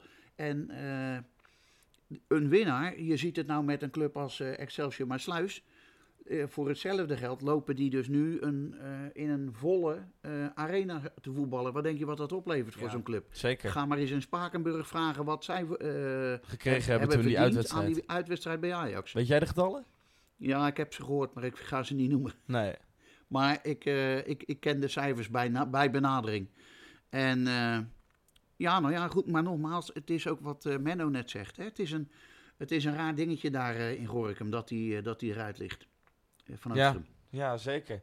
En inderdaad, zeker als we kijken waar ze staan op de ranglijst. Want Unitas is een goede ploeg, maar wat- ik denk dat niemand verwacht dat ze zo goed zouden meedraaien in die derde Nee. divisie zondag. Ik, ik zal je eerlijk vertellen, ik, het was maar zo'n hersenspinsel voor mij, maar ik spreek het maar gewoon uit. Ehm Rick, wat jij gaat niet zo geweldig bij, eh bij Kozakkenboys op Terug dit naar moment. Unitas. En ik zat te denken, eh, Unitas, eh, daar heeft hij het natuurlijk ook geweldig gedaan. En eh, eh, ik- ja, ik, ik zou me kunnen voorstellen dat ze bij Unitas op zijn minst even een lijntje uitgooien naar Werkendam. Zijn er technische managers die jou wel eens bellen op het moment dat er een trainer nodig is? En dat je gewoon zegt van ja, nou in de, in de omgeving is er nog één vrij, die zou ik gewoon opbellen. Ik praat links en rechts wel eens met zowel met technisch managers als met trainers. eh die Ja. Ja, maar Ad, jij zou inderdaad geen gekke optie zijn. Hoe die eh ervoor staat bij Kozakkenboys. In ieder geval bij de achterban, zoals we hebben gezien, niet heel geliefd meer. Resultaten vallen tegen. En bij. Unitas natuurlijk geweldig gepresteerd. Ja, nou ja, goed, dat, dat is dus zo. En, Gepromoveerd en- ook volgens mij, hè, met eh, Ja, ja. Unitas. Ja, ja. Ja. En bij, eh ja, bij, bij Kozakkenboys, daar loopt natuurlijk toch André Hoekstra, die natuurlijk een, een geweldige staat van dienst heeft. Die is de assistent. Ja, nou ja, eh, dat is niet zo heel lastig om te zeggen, nou die schuiven we door. Nee. Ja, het is maar mijn bedenksel, maar eh, nou ja, een ander kent het ook bedenken eigenlijk. Ja, Hercules. Het begin van het seizoen dachten we van dit is het. Ja. Jij, jij hebt heel vaak over... Je, je hebt twee keer gezegd... eh, René trouwens, die ook verlengd heeft, hè? Ja, Van de ja, ja, Dat zeker. eerst gezegd hebbende. Ja. Dat hij goud in de handen heeft. Ja. En ze begonnen leuk.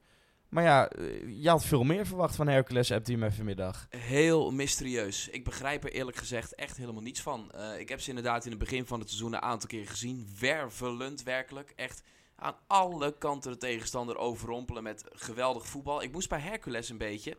eh, en weliswaar was dat bij AZ natuurlijk op een veel hoger niveau. Maar ik moest een beetje aan Co Adriaanse denken. Die bij AZ zo'n eh 15 jaar geleden trainer was. En Waar ook eigenlijk in de eerste 10 minuten zo ontzettend veel gas werd gegeven. dat ze bijna altijd binnen 10 minuten 1-0 voor stonden. En dat was bij Hercules ook het geval. Die heb ik een aantal keer zien spelen. En die waren aanvallend zo ongelooflijk sterk.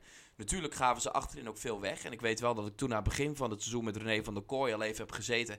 En die zei toen wel een keer na afloop tegen mij, ook in de bestuurskamer, van... Nou Menno, wij gaan echt nog wel tegen nederlaag aanlopen. Want, maar goed, dat, dat, dat, dat incasseren wij dan ook. Want dat Ja. vinden wij niet erg. Want, want wij hebben gewoon die, eh, dat voetbal wat wij willen spelen. En dat deden ze ook op die manier.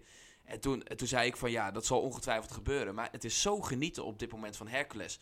En daarna kwam, ja, kwam toch een kink eh, in de kabel. Een beetje vanaf halverwege oktober eigenlijk. Toen werd het minder.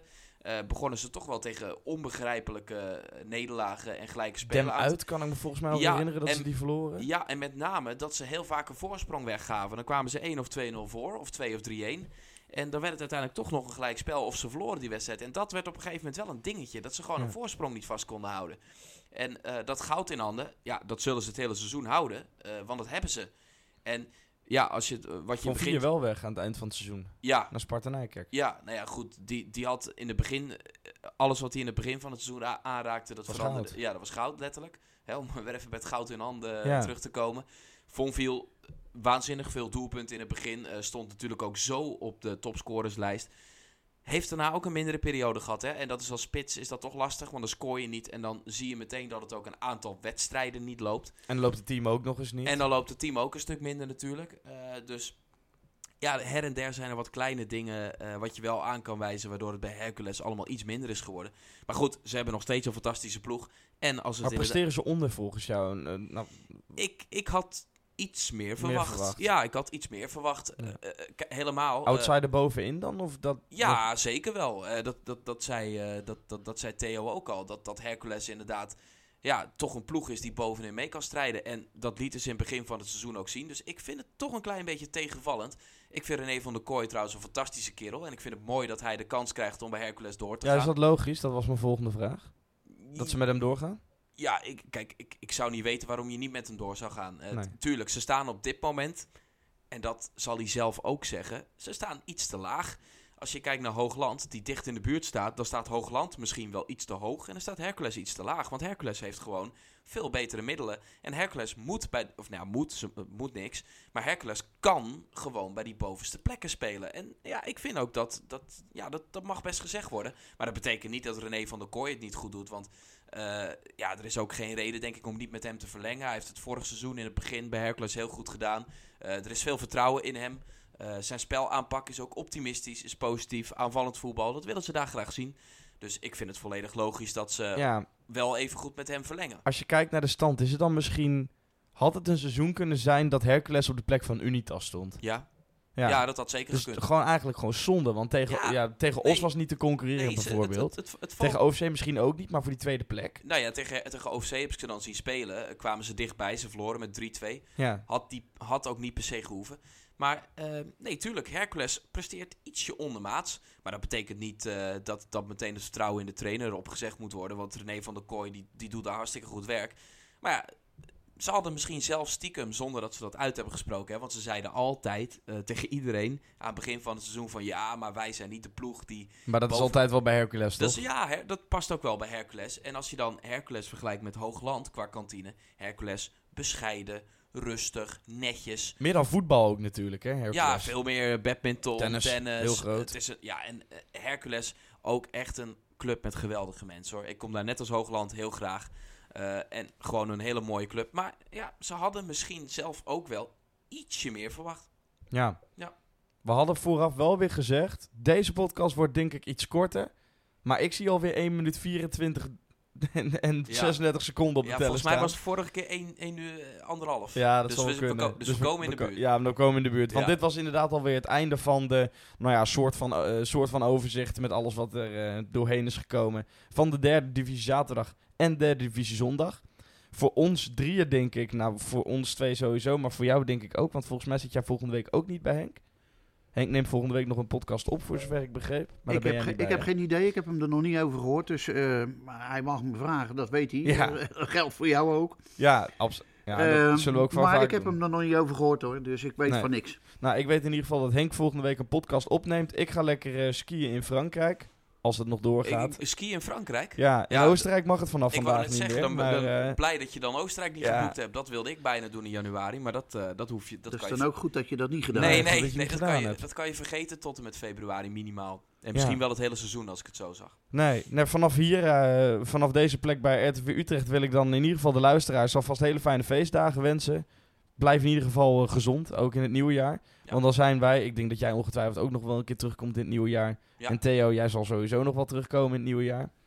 In de podcast. Als jij dat goed vindt, wel. Ja, Ja. absoluut. Nee, absoluut. En dan wil ik jullie natuurlijk bedanken. Menno, jij bedankt dat je, dat je er weer was. Ja, insgelijks. En Theo, jij ook bedankt dat jij er weer was. Graag gedaan, Menne. Eh, Menno Ja, is het dank, dankjewel, Andere- Theo. andere ik, Menno. vind, ik, vind het ook fijn, Andere ik, Menno. ik vind het ook fijn dat jij er was, Theo. nou, dankjewel, Ja. Menno. Kijk, kun je het toch nog doen.